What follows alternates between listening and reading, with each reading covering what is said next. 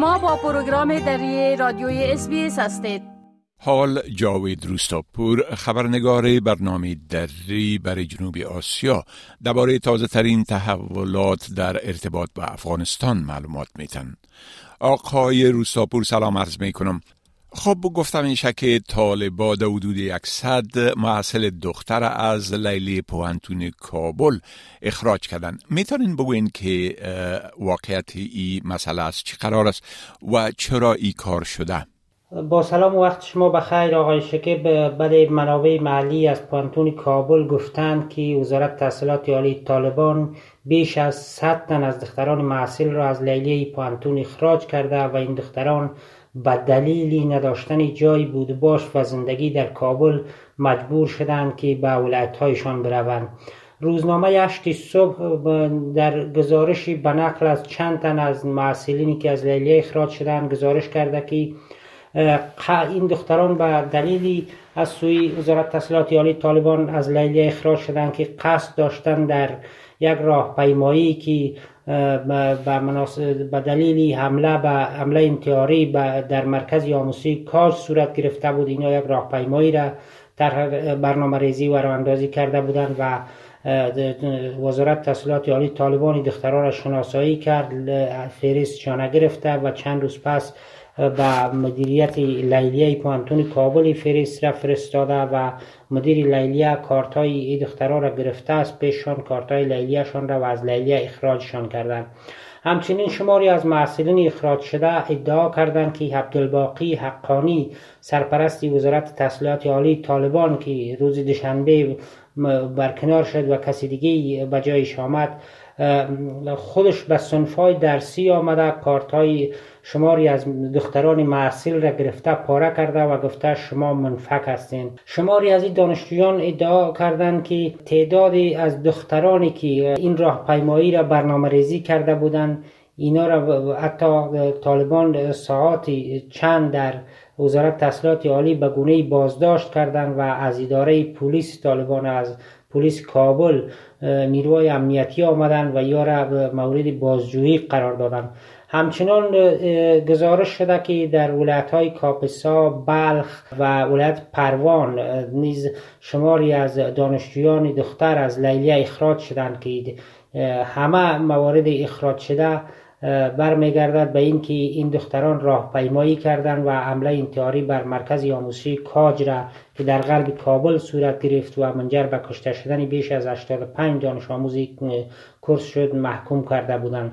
وزارت تحصیلات عالی طالبان بر رسانه ها گفته که این دختران نظم را بر هم می زدن و به همین دلیل از لیلیه اخراج شدند. اما سخنگوی این وزارت آمار دقیقی از ای که چی تعداد از دختران از لیلیه اخراج شدن ارائه نکرده. تنها گفته که به منظور حفظ و نظم مقررات پانتون تعدادی از معسلین از لیلیه اخراج شدند بله خب گزارش ها میگه که سفارت پاکستان در کابل محدودیت های بیشتر بر ویزا برای متقاضیان افغان وضع کرده. بله.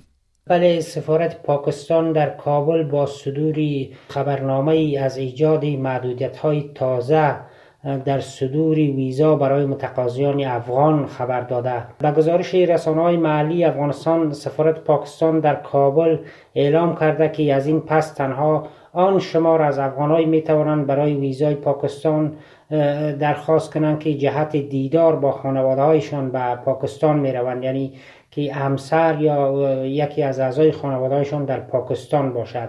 به اساس اطلاعیه سفارت پاکستان متقاضیان افغان برای دریافت سایر ویزه ها نیز تنها یک هفته فرصت دارند که به پرسش های لازم در مورد درخواست ویزایشان به این سفارت پاسخ بدهند. در غیر از او ویزا برایشان صادر نخواهد شد.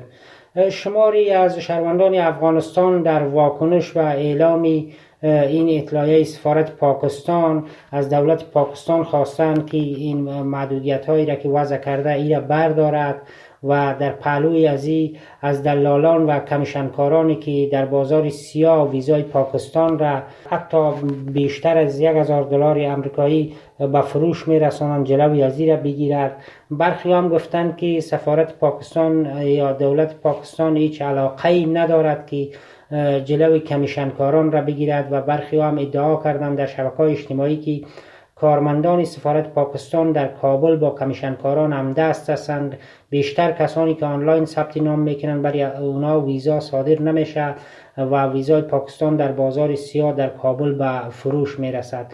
در ماهای پسین ویزای پاکستان تا 12 الا 1500 دلار به فروش می رسید که بیشتر کسایی که کیس داشتن از کشورهای اروپایی و یا امریکا مجبور بودند که این پول را بپردازند و ویزا بگیرند. بله خب ادعا شده که مقامات طالبان در قندهار از تطبیق واکسین پولیو جلوگیری می‌کنند. میشه که در این باره یک مقدار معلومات بتین لطفا؟ منابع محلی در ولایت قندهار در جنوب افغانستان گفتند که اعضای طالبان در ولسوالی دند این ولایت مانع اجرای کارزار تطبیق واکسین پولیو شدند. یکی از کارمندان کارزار تطبیق واکسین پولیو در قندهار که نخواست نامش فاش شود به روزنامه اطلاعات روز گفته که اعضای طالبان و کارمندان کارزار تطبیق واکسین پولیو با یکدیگر اختلاف دارند.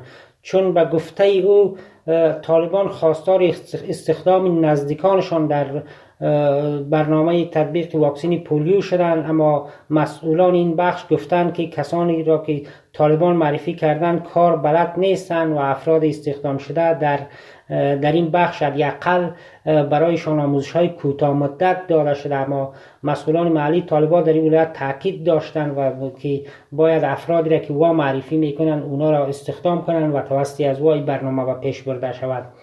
این منبع افزوده که گفتگوها میان طالبان و مسئولان کارزار تطبیق واکسین پولیو نتیجه نداده و به همین مشکل این برنامه متوقف شده است. دفتر ساوی صندوق حمایت از کودکان سازمان ملل متحد یا یونیسف در کندهار هم با تایید این خبر گفته که مقامات محلی اجازه تطبیق واکسین پولیو را ندادند. حزب الله فطرت مسئول کارزار تطبیق واکسین پولیو در قندهار گفته که حدودی 44 درصد کودکان قنداری به دلایل مختلف از واکسیناسیون فلج کودکان محروم شدند این در حالی است که طالبان در گذشته هم در مناطق مختلف که تحت کنترل خود داشتند مانع تطبیق برنامه واکسینی پولیو می شدن حتی سالهای گذشته چندین گزارش نشر شد که برخی از قماندان های طالبان موترای عاملی کارمندانی که, که می‌خواستن این برنامه را تطبیق کنند این را هدف قرار دادن و چندین تن از کارمندان واکسیناسیون در ولایات مختلف افغانستان کشته و زخمی شدند ولی این تازه ترین مورد است که بعد از به قدرت رسیدن طالبان عملا این گروه مانع برنامه تطبیق واکسینی پولیو در افغانستان می شوند این بود جاوید روستاپور خبرنگار پروگرام دری برای جنوب آسیا که درباره تحولات تازه در ارتباط به افغانستان معلومات داد.